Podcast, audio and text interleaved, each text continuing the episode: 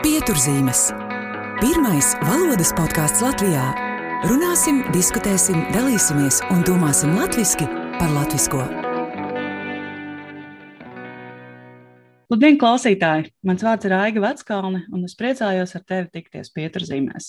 Paldies, ka klausies, atbalsti, dalies pārdomās un iesaki citiem. Šodien tiekos ar valodnieci, Rīgas Stradiņu universitātes docenti, Latvijas Universitātes Matemātikas un Informātikas institūta pētniece Ingu Kāju. Sveika, Inga! Sveika, Inga! Paldies, ka piekriti sarunai. Es šo sarunu gaidīju jau ļoti sen, jo jau sen vēlējos aprunāties pieturzemēs par kādu tēmu, par kādu valodniecības tēmu, kas ir saistīta ar tavu darba jomu un zinātniskajām interesēm. Tu droši vien nojaut, par ko es runāju. Aptuveni nojaušu mieru, bet ieintriģēju. Nu. Cerams, ka arī klausītājus esmu ieintriģējusi. Šodien pirmo reizi nu, esam to pieminējuši, šo vārdu korpusi un korpus lingvistika. Esam sarunās pieminējuši, bet nekad neesam tā vairāk detalizēti par to runājuši. Un tāpēc es labprāt iztaujātu tevi par to. Kas tad ir valodas korpus, valodas korpusi? Mm -hmm. nu, jā, nu par valodas korpusiem runājot, tad uh, tie ir uh, valodas paraugu vākumi. Nu, tā plašā nozīmē. Uh, Un, eh, nu, tādā eh, mazliet zinātniskākā eh, izpratnē par valodas korpusu sauc šo paraugu apkopojumu mašīnlasāmā veidā. Proti, tā, ka dators var saprast to, kas tur ir. Tur ir viss kodēts un ar pareiziem tagiem, tā ka dators ir spējīgs analizēt tos valodas paraugus. Un vēl, protams, tas, ka šie valodas paraugi ir atlasīti pēc noteiktiem kritērijiem. Uh, un kāpēc tas ir svarīgi? Kā principā izpaužas korpus? Tas ir tā, ka šos paraugus mēs tad, nu, vai nu mēs ar datora palīdzību atlasām kaut ko, ko mēs tad tālāk analizēsim paši ar kādām nu, metodēm izdomājam, vai arī otrs variants, ka mēs statistiski liekam datoram kaut kādus tos aprēķinus veikt un, un, un attiecīgi kādi nu, tie rezultāti sanāk. Un, to, protams, izdarīt tīri tehniski, nu, tas nav nekāds kosmos. Es domāju, ka katrā zinātnes nozarē ir uh, pietiekami daudz rīku, kas dara līdzīgas lietas, uh, kas ir specifiski tieši korpusu lingvistikai. Līdz ar to ir tas, kā šie teksti tiek atlasīti, ar kādiem uh, kritērijiem, pēc kādiem principiem. Tā kā, nu, tas ir tas galvenais, ja, ka korpusu lingvistika uh, Nu, patiesībā pētnieki pat brīžam šaubās, eh, brīžam diskutē par to, vai tā ir valodniecības apakšnodara vai drīzāk tāda metodoloģija un metožu kopums. Eh, jo, principā, nu, to var izmantot eh, praktiski visos, visās valodniecības apakšnodarēs kā metodi, vienkārši atkarībā no tā, ko mēs gribam izpētīt un kādā materiālā. Tad, nu, vai nu mums ir pieeja, pieejams korpus, kurā ir vajadzīgais materiāls, vai arī tad, nu, meklējam kādu citu variantu. Korpusu lingvistika balstās tajā priekšstatā, ka mēs valodu pētām pēc dabiskajiem paraugiem. Pretstatā tam, kā bija 20. gadsimta sākumā, kad vairāk paļāvās uz nu, šī pētnieka valodas izjūtu, uz intuīciju, uz paraugiem, ko pētnieks ir pats izdomājis, kā viņš šos modeļus, ko viņš ir izdomājis, pamato un tam līdzīgi. Nu, un, pamazām tad nonāca līdz tam, kā arī datori var iesaistīt tajā lietā. Jā, esmu dzirdējis tādu labu uh, salīdzinājumu, nu pat nesalīdzinājumu tādu teicienu, ka bez korpusa datiem valodnieka teiktais ir tikai viedoklis. Jā, tas ir tikai uzskats. Jā, nu, protams, tas ir atkal tāds uh, teorētiskais uh, priekšstats, nu, uh, ko mēs uzskatām par to galveno. No otras puses, nu, ir pietiekami daudz tādu parādību katrā valodā arī, nu, ko mēs neatradīsim nemaz tik viegli, uh, kurā katrā korpusā. Kaut kādas īpatnējas, teiksim, varbūt kādi vecvārdi, varbūt kādas uh, konstrukcijas, kas tiek lietotas reti un uh, līdz ar to var neparādīties tajos uh, tekstos, ko mēs savācam. Uh, Tā kā nu, man drīzāk ir tāds priekšstats, ka būtu uh, jābūt gan, gan. Tā kā medaļas divas puses, mēs Jā. nevaram uh, viens otru izslēgt no spēles. Mēs nevaram pateikt, ka bez mums jūs tur esat tikai viedoklis. Nu, tā tas arī gluži nestrādā. Jā, ir labi patiesībā vienmēr apzināties visas puses, vai ne, un nekrist galējībās. Labi, valodniekiem korpusu nodara no tevis teiktā un no pašas pētījumiem zinu, kam vēl, kam vēl korpusi ir noderīgi? Nu, ar tiem korpusiem ir tā, ka uh, lielākoties jau tomēr uh, zinātnē, nu, vai nu valodniecībā, vai, piemēram, datorlingvistikā, uz korpusiem ir balstītas daudzas mašīnu tūkošanas sistēmas, piemēram. Uh, bet, nu, uh, ir mēģinājumi korpusus izmantot, piemēram, valodas apguvē. Uh, ir uh, valodas apguves metodes, kā piemēram tas, ka nu, mēs tagad liekam uh, šim apguvējam meklēt noteiktus vārdus vai frāzes vai konstrukcijas korpusā, un tad nu, viņš kā pētnieks, viņš tādā veidā tiek pieņemts, ka viņš tādā veidā labāk apgūst, labāk saprot, mēģina iedziļināties šajās valodas parādībās. Nu, tas ir atkal jautājums, kā parasti koks ar diviem galiem no vienas puses eh, tiešām forši, ja mums ir iespēja uh, likt cilvēkam dziļāk par to valodu padomāt, bet no otras puses ne katram tas ir vajadzīgs. Ja tas cilvēks mācās tikai tādēļ, lai viņš varētu iepirkties veikalā, nu tad vai mēs viņu mocīsim uh, ar uh, 20 minūšu instrukciju par to, kā vispār korpus strādā. Tā kā nu, šeit atkal ir jāskatās. Protams, korpusi ļoti palīdz trenēt datorus, atpazīt valodu. Tie ir par pamatu arī sistēmām, no kurām tiek veidotas valodas sintēzes, dažādas nu, programmas, sauksim to tā. Uh, bet nu, tas ir atsevišķs temats katrai, katrai no šīm nozarēm, kā tieši korpus tajā iesaistās, ko tieši ar to dara. Nu, es arī neesmu speciālists pilnīgi visā, ko korpus var izdarīt. Un savā pieredzē esmu arī novērtējusi korpusus, korpusu noderīgumu tulkojot. Jā, piemēram, tulkojot no čehu uz latviešu valodu, Čehijas Nacionālajā korpusā ir brīnišķīgs materiāls apkopots, kur var atrast tādu čehu latviešu tulkojumu, ko neatradīs vārnīcās, jā, pat visplašākajās. Jā, šeit, starp citu, latviešu, lietuviešu, kas ir man tuvākais valodu pāris, tur arī uh, ir izveidots paralēlais korpus, tas nozīmē tulkojuma korpus, kurā ir sastatīts uh, oriģināls ar tulkojumu. Un tad, kad es aktīvāk nodarbojos ar tulkošanu, man arī tā bija zelta ādere, jo tur tiešām, nu, Vārdnīcā bieži vien pat, ja tu atrodi to vārdu, nu, tas tev nepalīdz varbūt tik daudz ar lietojumu. Konkrētie lietojumi paraugi ļoti daudz ļauj secināt un ļauj parādīt arī, kā konkrēto vārdu varbūt nevajag tulkot teiksim, tad, kad es ar uh, studentiem reiz runāju par uh, lietuviešu valodas, uh, lietuviešu latviešu tulkojumiem un mēģinājām analizēt tulkojumus un tam līdzīgi, nu, tā pašā korpusā, protams, atradām lietas arī, ko mēs vienojāmies, ka varbūt šitā nevajag ko, ja? bet te pašā laikā tas mums dod to materiālu. Un tā jau arī ir tā korpusa ideja, ka tas mums dod materiālu. Tas nenozīmē, ka mēs tagad visu darīsim ar korpusu, bet ir, tas ir būtisks rīks, kas mums var palīdzēt. Tā ir.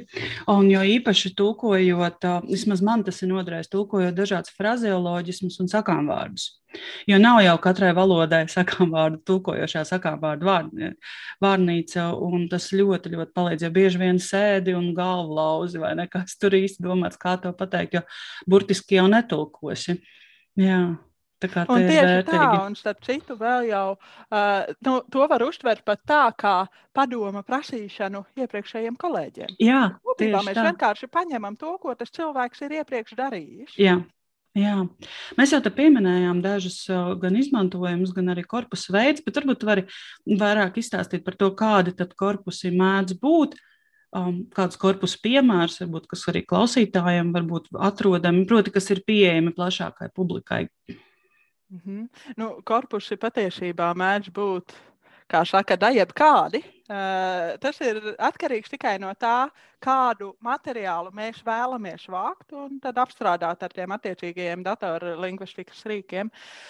Ir, protams, eh, ir līdzsvarotais latviešu valodas korpus, ir seno tekstu korpus. Es šobrīd runāju par eh, latviešu valodai pieejamajiem korpusiem. Šobrīd mēs veidojam latviešu valodas apguvēju korpusu, kur ir teksti, ko ir rakstījuši cilvēki, kas mācās tikai latviešu valodu. Ir paralēlie korpusi, kā jau minējām. Ja? Tas, ko es vairāk izmantoju, bija tas lila, lietuviešu, latviešu, bet ir, protams, arī citi.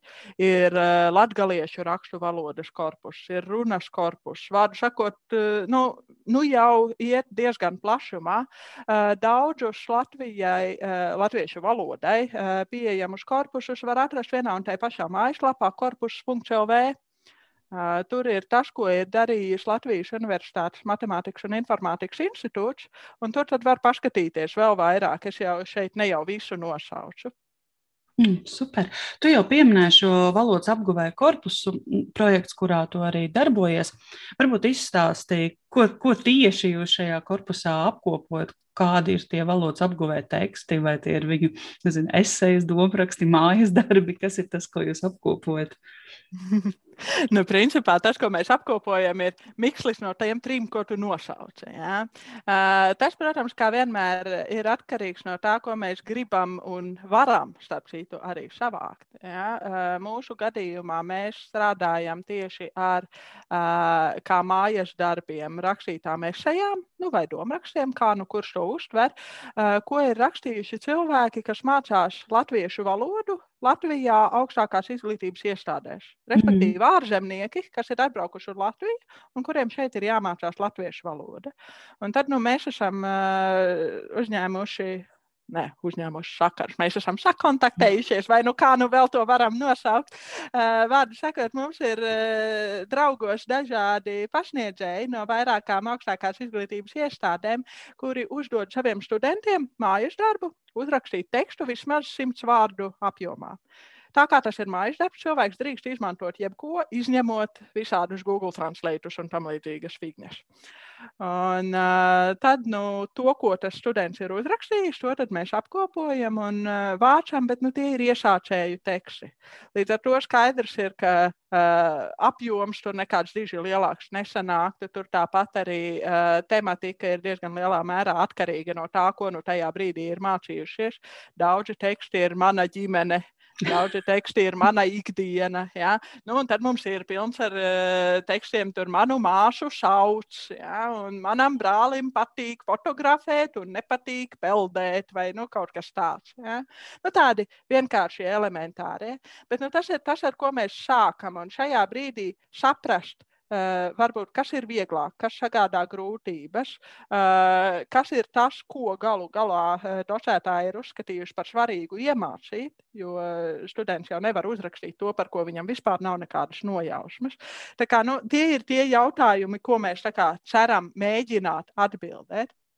Vienlaikus, protams, arī uh, mums projektam ir mērķis uh, izveidot pašpārbaudas uzdevumus.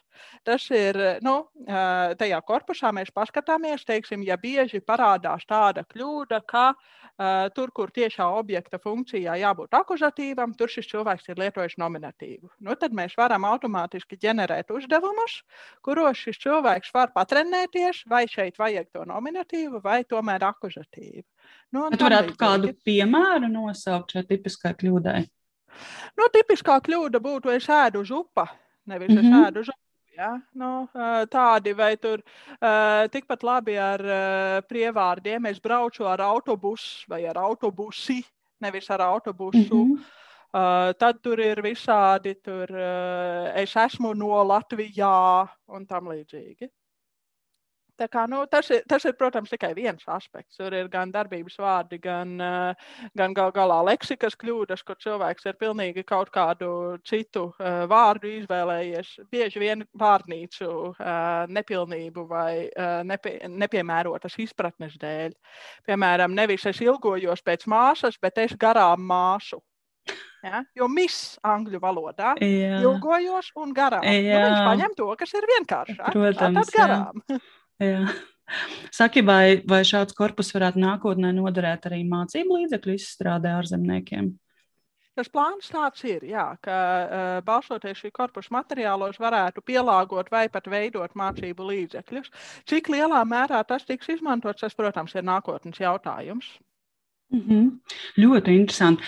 Un arī tavs um, promocijas darbs, jeb disertācija, mm, bija saistīta ar valodas apguvēju korpusu. Tur tev bija, cik saprotu, otrās baltu valodas apguvēju korpusu. Izstāst vairāk, kas ir otrā baltu valodu apguvēju korpusu.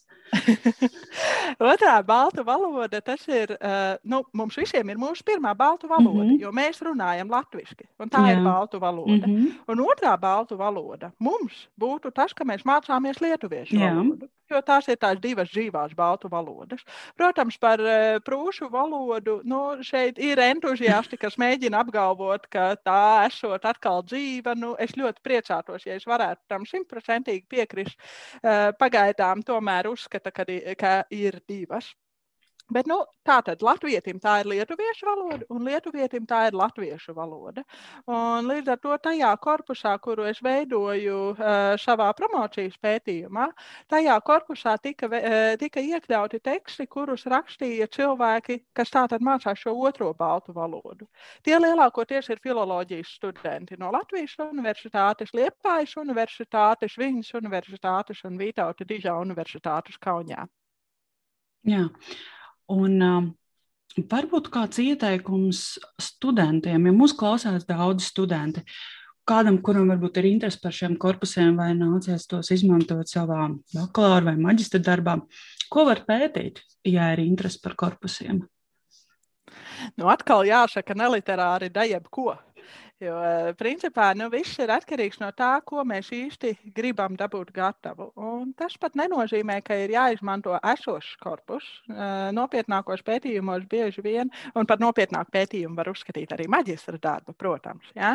Eh, bieži vien tiek veidots kāds paša korpus, jo ir pieejamas bezmaksas programmas, kurās var šos datus ielādēt un apstrādāt. Līdz ar to, nu, pirmkārt, ir jāskatās, kas ir tās paša intereses. Ja pašam interesē, teiksim, nu, es tagad nezinu, nu, 21. gadsimta jauniešu leksika, nu, tad diez vai seno tekstu korpus kaut ko palīdzēs. Ja?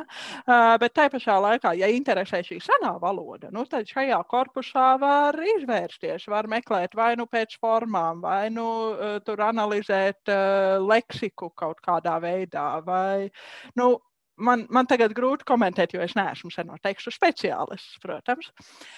Uh, bet, nu, vārdu sakot, ir jāsāk no tā, kas pašam interesē. Un tad uh, tikai pēc tam nāk tas korpus. Jo nu, šeit atkal tas ir tā, ir tā nostādne, ka korpus vairāk ir uh, metodes mhm. jautājums, mm -hmm. nevis uh, mērķis pats par sevi. Diezin vai ir jēga taisīt korpusu, ja nav īsti priekšstata, kāds no tā varētu būt uh, tas iegūstamais materiāls, iegūstamie rezultāti. Jā, nu jā, bet kaut vai to pašu jauniešu valodu pieminot, vai ne? Ja cilvēks ir gatavs veidot savu korpusu, tad tur var ielikt, kā tu saki, dejeb ko. Tu vari izkopēt vēstules vai ne, kaut kādus čata tekstus, um, ierakstus sociālajos tīklos, tā kā tas viss, viss ir iespējams, ja ir vēlme darboties, un tad tā ir brīnišķīga iespēja arī nu, darboties ar statistiku un, un pierādīt savus apgalvojumus. Jā. Protams, jā.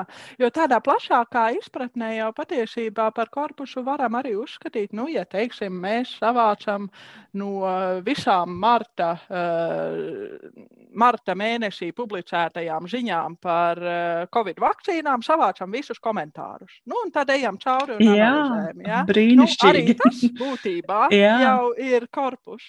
Jā, jāskatās, protams, ar kādām metodēm, tad atkal to var apstrādāt, atkal kas nu mūs tajos komentāros interesē, ko mēs mēs mēģinām tur izpētīt.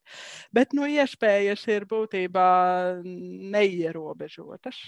Tā ir. Starp citu, viena no aktuālām, tādām interesantām valodniskām tēmām, no valodnieciskām tēmām noteikti ir arī šie jaunvārdi, kas ir parādījušies pēdējā gada laikā saistībā ar Covid.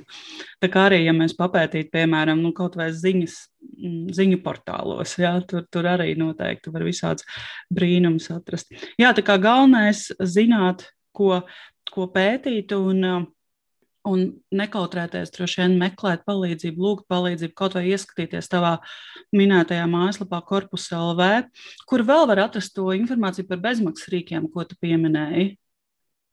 Uh, par bezmaksas rīkiem uh, man tagad tā grūti pateikt konkrēti, uh, kur meklēt informāciju par dažādiem. Nu, es zinu, ka ir Antkonk, Eh, ko var lejupielādēt uz sava uh, datora un izmantot. Uh, tad ir jāskatās, uh, ir tādas programmas Sketch Engine un No Sketch Engine. Tur ir dažādi tie licenču nosacījumi un ir iespējams uh, vismaz kaut ko no tā dabūt uh, caur augstskolām, caur augstākos uh, izglītības iestādēm. Nu, ja visi striķi trūks, tad parastā meklēšana jau nu strādā pat visparastākajā vordā, un arī tas ir uh, nu, zināmā mērā kā korpusa apstrādes rīks izmantojams. Tas ir atkal jautājums, ko tieši gribas tur atrast. Jā, brīnišķīgi. Paldies, Inga. Um, vispār tu pati man asociējies ar tādu ļoti aktīvu un, un enerģisku un ļoti aizrautīgi. Tagad jau docenti, tagad jau doktora grādu ieguvušu zinātnieci, bet arī tad, kad tu vēl studēji, tad vienmēr skatījos ar, ar aizrautību uz tevi. Un, un man gribas atcerēties kādu epizodi no, no tavas dzīves, proti, tavu uzstāšanos un tavu tikšanu Research Slam finālā 2014. gadā. Ja, ja, ja mēs runājam par tādu nebaidīšanos, uzdrīkstēties, tad klausītājiem mēs arī pievienosim saiti uz, uz, šo, uz šo uzstāšanos. Ja nu gribas apskatīties, ai, ai, ai. jo fantastiska scenogrāfija, fantastiski tērpi un ļoti pārdomāts. Bet man gribētos tieši, tieši parunāt par šo, par šo research slam. Kas tas ir?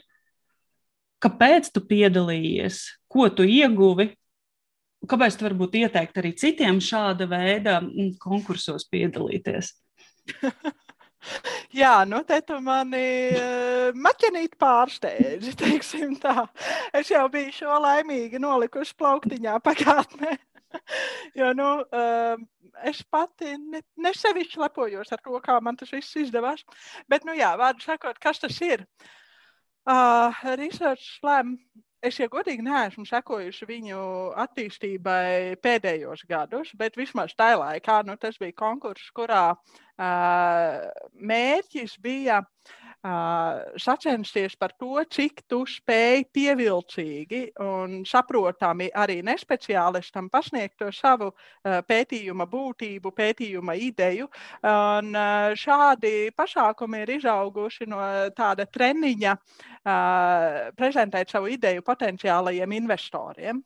Tas, protams, nu, kaut kādās uh, mazāk eh, monetārās, uh, varbūt filozofiskākās tēmās neierakstīsies tik ļoti, jo nu, diezin vai mēs investoram varam ļoti labi pārdot kādus, nezinu, filozofisko ideju, traktātu pētījumus, piemēram. Ja? Bet tādās zinātnēs, kurās veidojas ļoti praktisks rezultāts, tas ir ļoti būtiski, ka mm, cilvēkam ir spēja šo pētījumu pasniegt, tā lai tas cilvēks no malas, kurš nav šajā tematā iekšā, saprot pirmkārt, ka tas ir vērtīgi, otrkārt, ka man tas ir jāatbalsta, ka man no tā būs labums, un ka to, no tā būs labums ne tikai man, ja, ka to ir iespējams varbūt realizēt arī materiāli, arī, protams, tīri fiziski, ka mana ideja nav tukšs fufelis. Nu, vārdu sakot, no tā tas viss izauga. Kāpēc es piedalījos? Doktorantūrā varētu teikt, ka es iegāju ar tādu avantūrisku piesitienu, kur man sūtīja, tur es gāju. Un, tas, tas man bija kopīgs ar kolēģi Ingu Laizāni, un mēs tur nonācām abas divas tīri tā, nu, mums programmas direktori pateica, Evi Ingas, varbūt jums interesē, nu, un tad nākamajā reizē Ingas jau bija pieteikušās.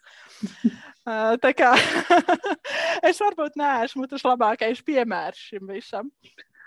Bet, nu, katrā ziņā, jā, tiešām es uzskatu, ka ir vērts izmēģināt, nu, cik tu esi Nu, kā saka, esot it kā Einsteina izteiciens, es nezinu, vai tas tiešām ir, bet nu, it kā esot, ka ja tu to nespēji pastāstīt uh, vienkārši, tad tu to nesaproti.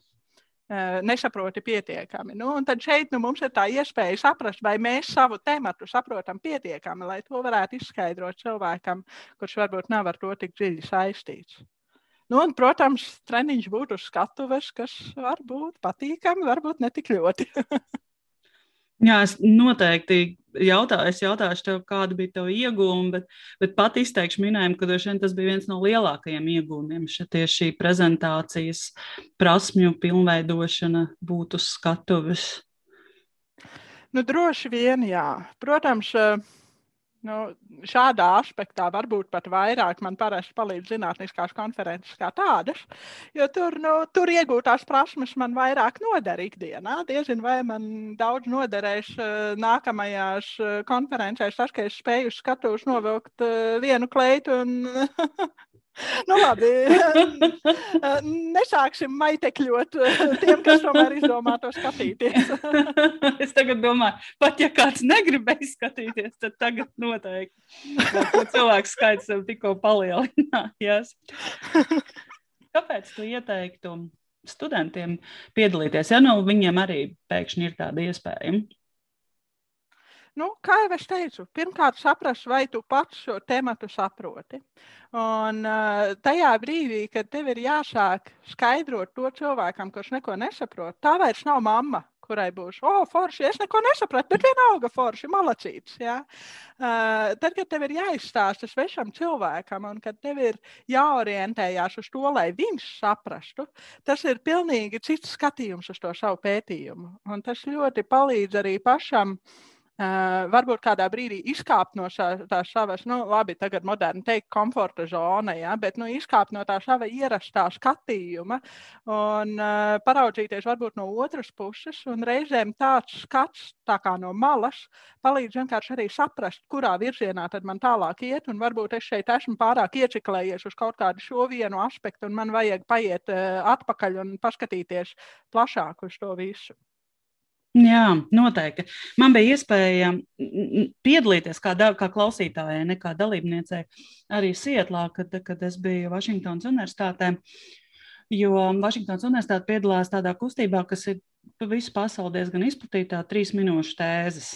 Ne, kur arī doktoranti stāsta par, savām, par savu promocijas darbu, jeb, jeb tēzēm angļu valodā, kas arī tāds ikgadējs pasākums daudzās pasaules universitātēs, jā, un arī kolēģi. Uh, piedalījās. Bija ļoti interesanti to vērot. Tiešām kā, kā cilvēki, kuru jomas man bija ļoti svešas un nesaprotamas, cik, cik interesanti un, un, un šķietami ar kādu vieglumu viņi to izstāsta, bet cik milzīgs darbs ir aiz tā, lai trijās minūtēs izstāstītu disertācijas tēmu ne, un disertācijas pētījumu un varbūt pat jau rezultātus.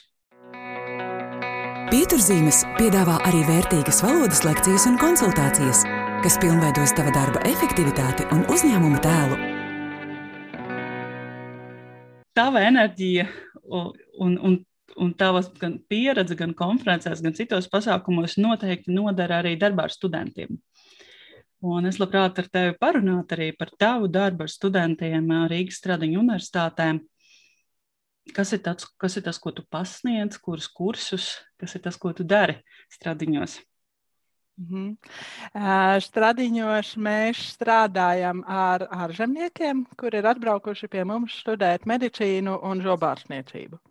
Un viņiem ir obligāti jāapgūst latviešu valoda. Un šeit ir nu, divi aspekti. Viens ir, protams, tas, ka saskaņā ar likumiem ir Latvijā jebkuram pilna laika studējošiem ir jāmācās latviešu valoda. Bet otrs, viņiem ir arī klīniskie kursi, kuros viņi satiek pacientus. Un ja viņam tas pacients nerunā angliski, viņam ir jāspēj ar viņu komunicēt tik un tā. Protams, ja cilvēks ir mazāk motivēts, tad nu, tur tāpat nekas neiznāks, un viņam tāpat vajadzēs tur tūka palīdzību vai vismaz latviešu drauga palīdzību. Bet eh, jā, nu, mūsu mērķis ir panākt tajos eh, ievadu kursos, ka šie cilvēki ir spējīgi no nulles latviešu valodā tomēr eh, tikt līdz tādam līmenim, ka viņi ir spējīgi sazināties ar to savu pacientu latviešu valodā. Un cik intensīvi ir šā, šīs latviešu valodas mācības viņiem? Ah, ļoti dažādi. Uh, un, uh, tas patiesībā ir atkarīgs ne tik daudz no mums, kā no hmm, tādām izmaiņām visas universitātes, visas programmas līmenī. Jo uh, tas, cik kredītpunkti tiek piešķirti latviešu valodas kursam, ir ļoti uh, mainīgi. Šobrīd medicīnas studentiem ir ļoti noīsināts. Pirmajā semestrī viņiem ir astoņas nodarbības, otrajā 24. Kopā. Stundīgās. Kopā, Kopā pa visu semestri. Jā. Aha. Tas ir ļoti Līdz... Tieši tā. Un līdz ar to nu, jautājums ir atkal, ko mēs varam iemācīt. Un tā rezultātā mēs, protams, cenšamies koncentrēties uz to, ko viņš var izmantot ar to savu pacientu. Līdz ar to krietni agrāk nekā normālais apguvējs viņš iemācās vārdu sāp, Uh, viņš iemācās visus veidus, kā aprakstīt sāpes, bet tajā pašā laikā viņš varbūt pat uh, īsti nezina, kā kuru dzīvnieku sauc. Ja? Viņš nezina vārdu putns un tam līdzīgi. Tā kā nu, uh, varētu šķist, ka nu, jā, nu, viņš ir samācījies to latviešu valodu, viņš lieliski tagad runās, bet nu, lielākoties jau viņš ir iemācījies frāzes. Viņš ir iemācījies gramatikas minimumu, ar kura palīdzību viņš var kaut kādā mērā operēt, bet uh, vairāk jau ar, uh, ar frāžēm sevišķi vecākos semestros, kad mums ir izvēles priekšmeti, mēs viņiem, eh, nu, mums ir izvēles priekšmeti, saucas medicīnas terminoloģija latviešu valodā, un tad atkarībā no semestra. Nu, tad mēs viņiem dodam vienkārši tos tematus, kas viņiem ir tajā brīdī klīniskie priekšmeti. Vai tā ir ginekoloģija, vai tā ir traumatoloģija, vai tā ir pediatrija. Ja? Un šajos priekšmetos mēs viņiem dodam to leksikas minimumu un mēģinām uztrenēt, lai viņi šo minimumu vismaz kaut cik ir spējīgi arī mutvārdos lietot. Respektīvi, mēs ļoti daudz izliekamies par pacientiem, lai viņi -hmm. varētu tēlot ārstus, nu, un tam līdzīgi tādus uh, spēlītus mēģinām spēlēt. Kā tas izdodas, izdodas tagad, attālināto studiju laikā? Nu, tas ir atkarīgs no tā, kurai no kolēģiem tu pajautāsi. Man, teiksim, man nav īpašu grūtību šai lietā, jo to, ko es darīju tāpat, es principā varu izdarīt arī attālināti. Ja? Kaut kādus, nu, labi, nu, mazāk es varu iedot spēlītus, kur ir jāpieliec kājās, tad, ja izdzird tur kaut ko. Bet tā pašā laikā grupās sadalīt var cilvēkus, izrunāties ar viņiem var. Nu, ļoti daudzi mani studenti ir teikuši, ka tieši latviešu valodas kursā viņi nejūt īpašas grūtības adaptēties ar, ar visu šo attālināto pasākumu. Jā, jo tas man vienmēr par to man ir interesanti, vienmēr, kā tieši valodas apgūvē notiek attālināti un cik, cik iedarbīgi tā ir. Jā, bet, Klaud, cik liels tad ir grupas, cik studentu mācās, cik ārzemju studenti mācās stradiņos? Grupu lielums ir dažāds. Ar mediķiem ir pamatā 12 cilvēku grupā, un šādas grupas ir 20 plus katru semestri. Katru semestri. Katru semestri, jo mums ir uzņemšana divreiz gadā, rudenī un pavasarī. Tas nozīmē, ka septembrī sāk vieni un februārī sāk nākamie, un 20 plus šādas grupas. Un tad vēl nāk žobārsti, viņiem ir atsevišķa uh, programma. Un uh, žobārstiem ir uh, kādas nu, 3 līdz, līdz 5 grupas katru semestri. Tās grupas ir mazākas, tur ir nu, kādi orientējoši 7, 8 studenti parasti. Nu, reizēm gadās, ja tur izbirst kādi, tad vēlāk tur kādas grupas apvieno. Bet, nu jā, sākumā mums šo grupu ir vairāk, tāpēc, ka uh, kaut kad pa vidu, studiju vidū, daudzi cilvēki aizbrauc atpakaļ uz savām mītnes zemēm. Piemēram, Vācijā mums ir ļoti daudz vāciešu, un viņi brauc pie mums tāpēc, ka viņiem uh, Vācijā nav šo studiju vietu tik daudz. Un tajā brīdī, kad Vācijā kāds ir izkritis, tad viņš saņem šo vietu un aizbrauc atpakaļ uz Vāciju. Līdz ar to beidzēji mums ir mazāk nekā to, kas iestājas. Jā. Bet tāpat, jebkurā gadījumā, tā izklausās pēc pamatīgas slodzes tev un tavām kolēģiem.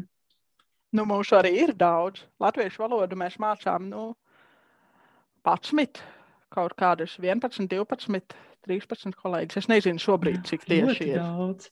Jā. Fantastiski. Nu, pilnīgi tāda ir latviešu valodas skola. tā ir tiešām tāds pa, pamatīga organizācija, tāda institūcija. Tas arī kaut kā ir atsevišķi noformēts kā struktūra vienība, cik es saprotu, jā, stradiņos. Jā, mēs esam valodu centrs. Valodu centrs. Mhm. Jā, mēs skaitāmies laikam zem sociālajām zinātnēm, jo no stradiņos uh, ir drusciņi citi uh, akcenti. Jā.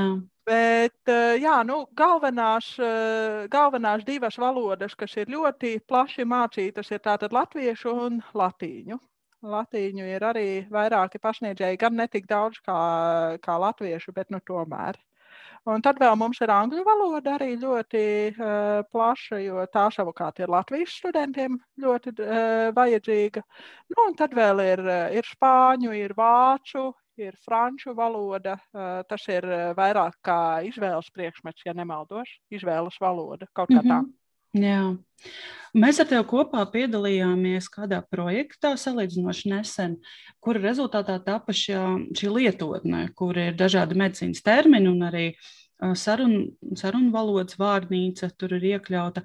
Lietotni var atrast um, gan uh, Apple telefoniem, gan iOS operētāja sistēmai, gan arī Androidam. Mēs pēc tam droši vien arī pievienosim aprakstā lietotnes nosaukumu un saites. Saka, lūdzu, kāda ir atsaucība, kāds ir atsauksmes no studentiem, vai viņi izmanto šo lietotni un ko viņi par to saka? Viņi ir sajūsmā. Viņi to visu laiku vien arī gaidīja.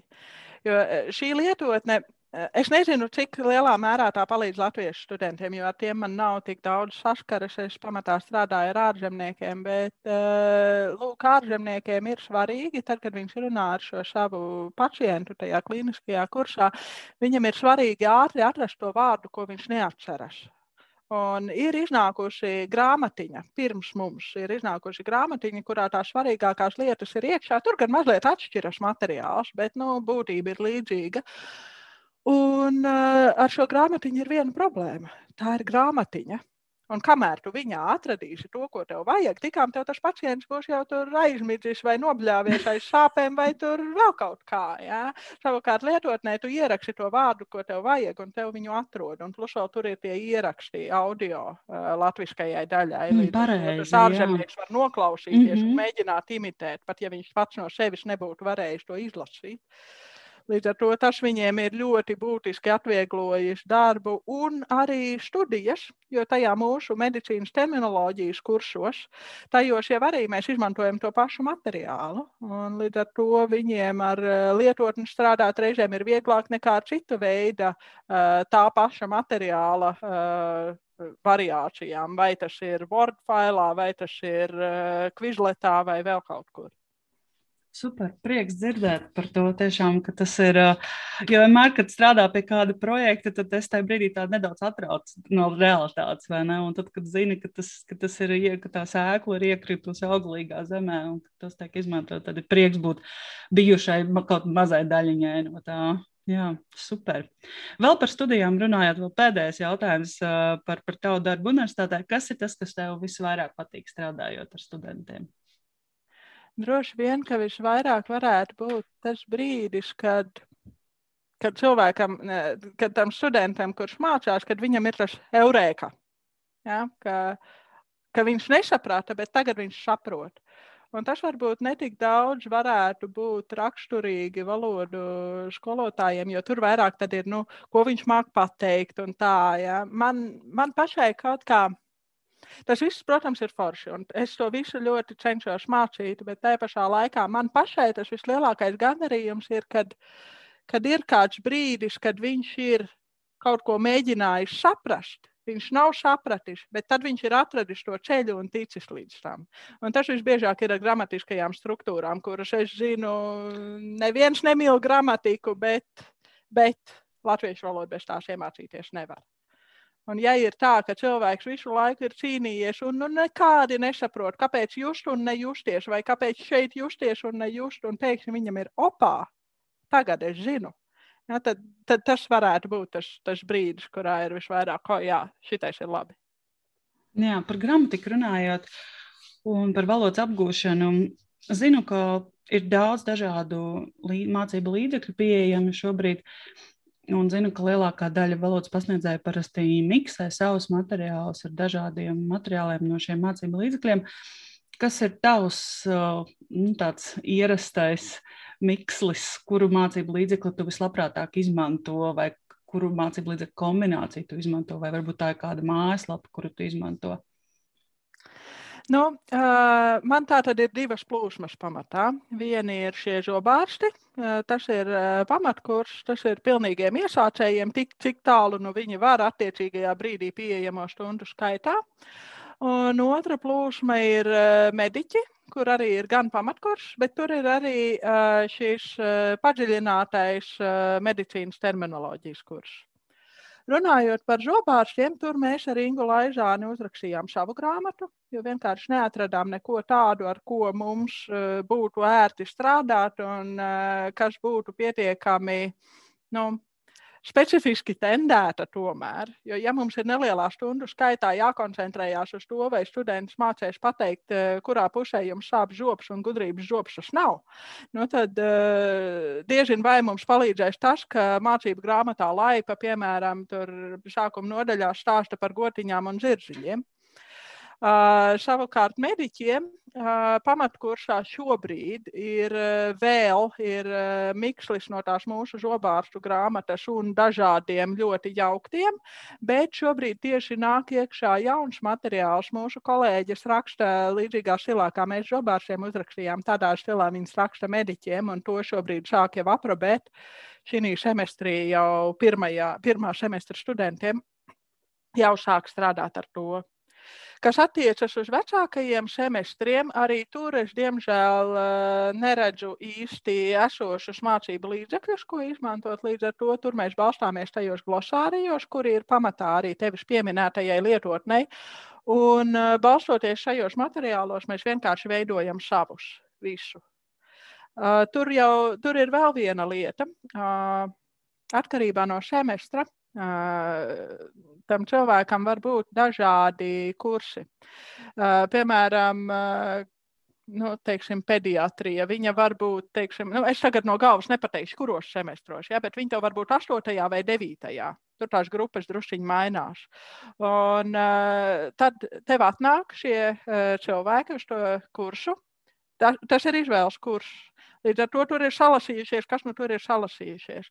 Un tad pirmajā nodarbībā es cenšos noskaidrot, kādi uh, klīniskie kursi viņiem tajā brīdī ir aktuāli, un tad par to tematu arī taisu. Tas, protams, nozīmē, ka, piemēram, šajā semestrī, šajā pavasarī man nācās druskuļi iebraukt anestezioloģijā, saprast, kas tas vispār ir un neiroloģijā. Bet nu, es īsti neredzu citu variantu, kā es viņiem varētu iedot to spēju ar to pacientu sazināties par šiem tematiem. Apbrīnojami. Es pilnīgi iedomājos, cik plašs cik plašs tematu lokus tev jāpārzina, cik plašs vārdu krājums tev pašai jāpārzina. Ļoti, Vai vismaz cik labi ir jāmāk googlēt? arī, arī nu, starp citu, tā nav mazsvarīga prasme. Tā mūsdienās ir ļoti svarīga prasme. Vai šīs divas grāmatas, par kurām tu runāji, jūsu abu ingu sarakstītā un kolēģu sarakstītā, ir pieejamas arī plašākai sabiedrībai, tās var iegādāties? Žobārstu grāmata šobrīd ir aizkavējusies izdevniecībā. Vispār izdošanas gads ir pagājušais, bet šobrīd vēl īsti nav tikuši līdz tam pēdējam punktam, uh, mm -hmm. tipogrāfija un āmen. Bet tad būs, tad viņi būs dabūjama. Uh, kas attiecas uz mediķu grāmatu, tā šobrīd top. Mm -hmm. to, uh, nu, kā tas viss tālāk veidosies, tad mēs redzēsim. Jā. Ir liela cerība, ka arī tā varētu iznākt tādā līdzīgā formātā. Mm brīnišķīgi, ka arī citi interesanti varēs tikt pie tām. Vēl runājot par, par mācīšanos, parunāsim par tevi studentes lomā. un mani ļoti interesē tavs ceļš pie lietuviešu valodas un, un tas, kāpēc tu mācījies, kā tu mācījies lietuviešu valodu. es atkal droši vien neesmu tas labākais piemērs šeit. Uh, uh, iesāku studēt Baltu filologos, Un tad pienāca laiks, kad bija jāizvēlas modulis. Mums bija valodniecība, literatūra zinātne un lituānistika. Un, jā, nu, es varbūt es negluži. Es nelepojos, teiksim tā. Uh, bet tad uh, manas, manas domu gājiens bija tāds, ka literatūra zinātnē man īpaši neinteresē, valodniecība man īpaši neinteresē, nu tad paliek lituānistika. Jā, uh, tas bija bakalauros. Protams, bija visiem obligātais lietuviešu valodas pamatu kurs, bet nu, valodas mācīties man tā kā tīri patīk. Nu, tad, tad tā arī tas viss aizgāja. Un Lietuvānistikā tad es to bakalauru arī pabeidzu. Beig, beigās tā izvēle man joprojām šķiet viena no sakarīgākajām, kāda man vispār ir bijusi to gadu laikā. Un pēc tam nu, bija jautājums, kur stāties maģistros. Un, uh, es tā domāju, nu, ja jau Lietuvānistika, nu, tad jāstājās Lietuvā. Uh, tur atkal bija interesanti. Tur viņiem pieteikšanās beidzās tad, kad mēs uh, LU vēl diplomas nebijām saņēmuši. Kā, tur, principā, es caur pazīšanos, uh, nu, man caur pazīšanos ļāva dokumentus iesniegt arī pēc termiņa, lai tos izskatītu kopā ar pārējiem. Bet, nu, beig, beigās es tad iestājos uh, Vītauta Rīģa Universitātē Kaunijā, uh, izstudēju maģistrantūrā lietišķo lietuviešu valodniecību.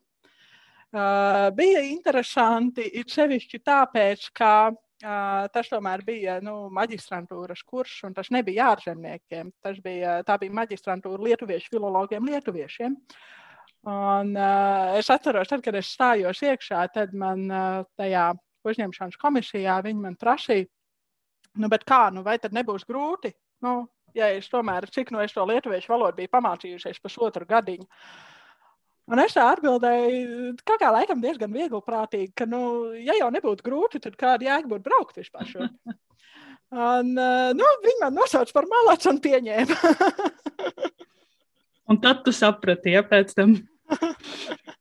Nē, nu es apmēram rēķinājos jau, kas, kas un kā un ko gaidīt. Un nebija jau arī tik traki. Plašā man bija ļoti foršas kursu biedrenes, kuras, ja bija kaut kas, ar ko vajadzēja palīdzēt, tad viņš uzreiz bija gatavs darīt. Tādā ziņā vispār man ir visa tā labākā pieredze no mazām universitātēm, jo tur ir cilvēcīgāka pieeja, nu, manā pieredzē. Tu nejūties kā daļa no liela, uh, liela veseluma, varbūt, bet te pašā laikā pret tevi izturas kā pret nozīmīgu. Un, uh, tad, ja, ja ir kaut kāds jautājums, kas tev ir svarīgs, tad tas tiešām ir svarīgs. Nevis, nevis vienkārši tā, nu, tu esi vienīgais, kam tas tā ir. Piemēram, tad, kad mēs uh, maģistrantūrā bijām šķiet pirmā gada otrajā semestrī, tad uh, vadība mūsu visu kursu, visus, tajā brīdī mēs jau bijām tikai piecas, visas piecas studentes uzaicinājuši pārunām, kā tad tā, kāpēc jūs neesat pieteikušās uz Erasmus, uz braukšanu. Nu, un tad tur bija, kam tur darbs neļauj, kam tur kas. Es saku, es jau esmu atbraukusi. Uh, beig, beigās es gan beigās aizbraucu tik un tā uz Čehiju, bet nu, tas ir cits stāsts. Bet arī nu, tā, ka, ka vadība atnāk pie jums pieciem cilvēkiem un prasa, vai nevar kaut ko darīt, kas ir tas iemesls, kāpēc jūs neesat to vai šito vai, vai vēl kaut kā. Un šī uh, individuālā attieksme ir arī tas, ko es ļoti izbaudīju doktorantūras laikā, ka arī tur tomēr bija svarīgs katra cilvēka sniegums, katra cilvēka panākumi vai to trūkums, katra cilvēka vajadzības. Jā, es noteikti pievienojos par, par doktorantūru.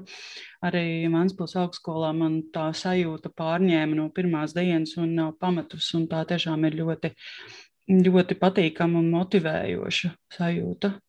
Jā, noteikti. Kā tu izmanto lietuviešu valodu tagad, ikdienā? Ko, ko tu lasi, ko tu klausies, ar ko tu runā? Hmm. Nu, bija, bija kāds laiks, kad es strādāju par tulkotāju no lietuviešu valodas. Tad, protams, tas bija ikdienā. Tas bija gan vienkārši kā pašnodarbinātai tulkotājai, gan arī Lietā mediju monitoringā strādāju vienu brīdi. Šobrīd, nu, jāteic, ka visā tajā darba gūžmā lietuviešu valoda ir palikuši maķenīt novārtā. Uh, ir gan te, uh, dažreiz kādi nelieli pētījumi, kuros uh, piedalos kopā ar Lietuvas kolēģiem. Vai, teiksim, nu, ja, ja atraksta no Lietuvas kāds sadarbību meklējošs angliski, nu, tad man patīk to cilvēku nošokēt, atbildot viņam lietuviski, kaut arī ar visām kļūdām, nu, tādā veidā. Bet es neteikšu, ka šobrīd es to ļoti daudz izmantotu. Tā pašā laikā tieši šī lietuviešu valodas prasme man ļoti ilgu laiku, līdz pat kaut kādam doktorantūras vidum, bija noteicoša, kāpēc man bija darbs. Ja, gan šī tūkošana, gan man ik pa laikam māc, aicināja kaut kur pamācīt, gan vienkārši veicināt saziņu starp lietuviešiem un latviešiem. Tā kā nu, es to uzskatu par ļoti vērtīgu ieguvumu. Jā, es pilnīgi piekrītu. Starp citu, man arī jāatzīst, ka uh, es to visu laikam par savu bakalaura studiju laiku runājot, laikam es arī to visu vairāk nožēloju. Kaut gan man nepatīk dzīvē nožēlot lietas, bet tomēr to es no, nožēloju, ka es, ka es nemā, neiemācījos lietuviešu valodu. Man, man ļoti grūti gāja, mums mainījās pasniedzēji, un mums bija atšķirīgi, man bija atšķirīgi viedokļi ar pasniedzējiem, un beigās uh, brīnišķīgā laimata baloda man tad, kad jau bija pēdējie kursi un kad jau ko tur vairs varēja iemācīties, bet viņi bija tik jauki un man, man ļāva būt pašai. Par to es viņam tiešām esmu mūžīgi pateicīga. Bet jā, man ir pat nedaudz kauns, ka man ar manām Lietuvas saknēm, mana māmas ģimene nāk no Kaunas. Es tā arī neiemācījos lietuviešu valodu. Manuprāt, tas tiešām ir milzu, milzu iegūms. Bet visu vēl var pagūt noteikti. Protams. Jā, šī mm, tāda piederības sajūta arī ļoti daudziem cilvēkiem ir ļoti būtisks iemesls, kāpēc viņi to otro baltu valodu mācās. Jo nu, ekonomiski, protams, tā nebūs un nevar būt tik ļoti ietekmīga valoda kā angļu valoda un varbūt spāņu un vēl kas nu mums tagad nāk priekšā. Bet tajā pašā laikā nu, es arī neesmu manījusi, ka kāda no manām kursu biedrenēm, kas arī izvēlējās lituānistiku, ka kādai no viņām tas būtu bijis mīnus. Es domāju, ka visas mēs esam bijušas tikai priecīgas par šo savu izvēli. Un tā ir tikai palīdzējusi arī tīri tādā karjeras ziņā. Noteikti. Patiesībā, un es to arī vienmēr stāstu saviem studentiem, ka jebkura mazo kopienu valoda ir milzīgs iegūms. Un es vienmēr aicinu papildus angļu valodai mācīties kādu no mazo kopienu valodām. Nu, manā gadījumā, piemēram, tā ir čehu, lietuviešu, igauņu izcils, jo patiesībā Latvijā ļoti maz salīdzinoši lietuviešu un igauņu valodas runātāju. Ja, kā... Jā, Jā, un tad, kad man uzraksta kārtējo reizi, jau vai nu tu tomēr negribētu kaut ko iztulkot, un kad man viņiem ir kārtējo reizi jāsaka, ka sorry, es ar tulkojumiem jau vairākus gadus nenodarbojos, man pat nav pie kā viņas aizsūtīt.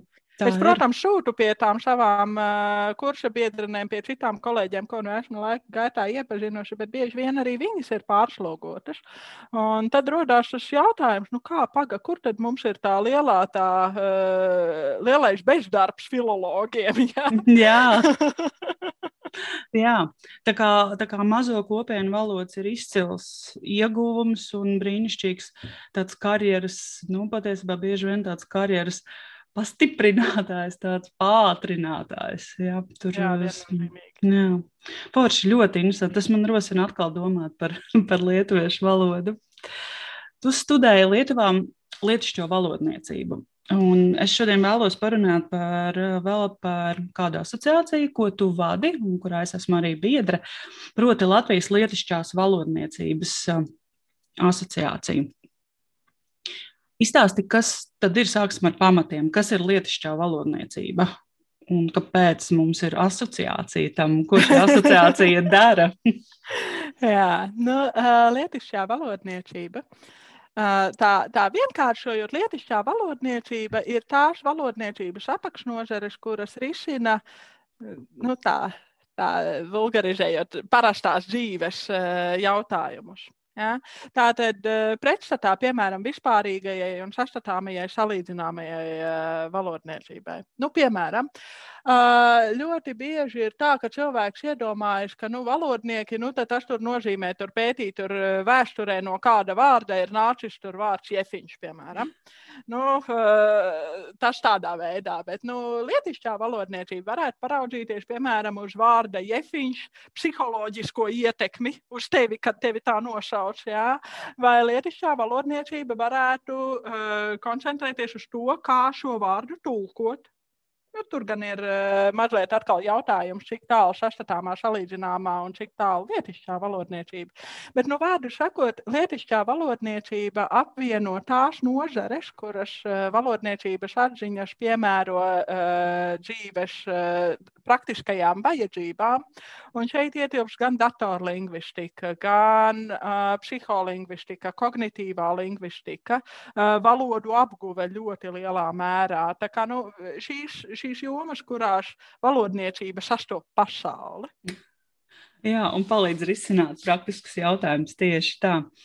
Um, un, um, kas tad ir uh, asociācija? cik ilgi tā jau darbojas, ko tā dara? Asociāciju nodibināja 16.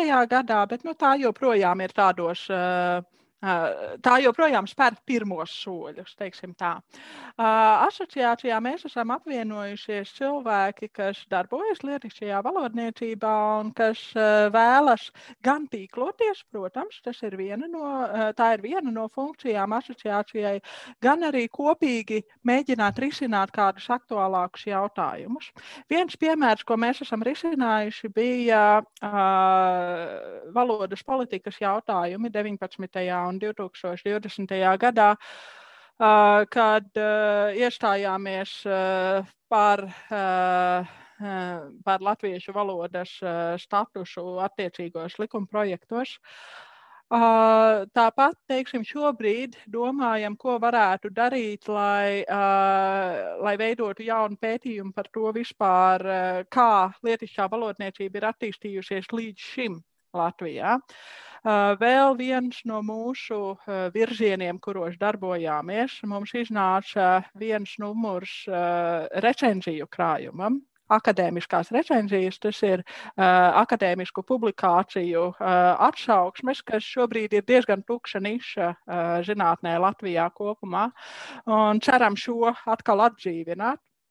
Šeit Egita Proveja ir ļoti lielu darbu izdarījuši un ceram, ka mums izdosies arī kopīgi visu turpināt.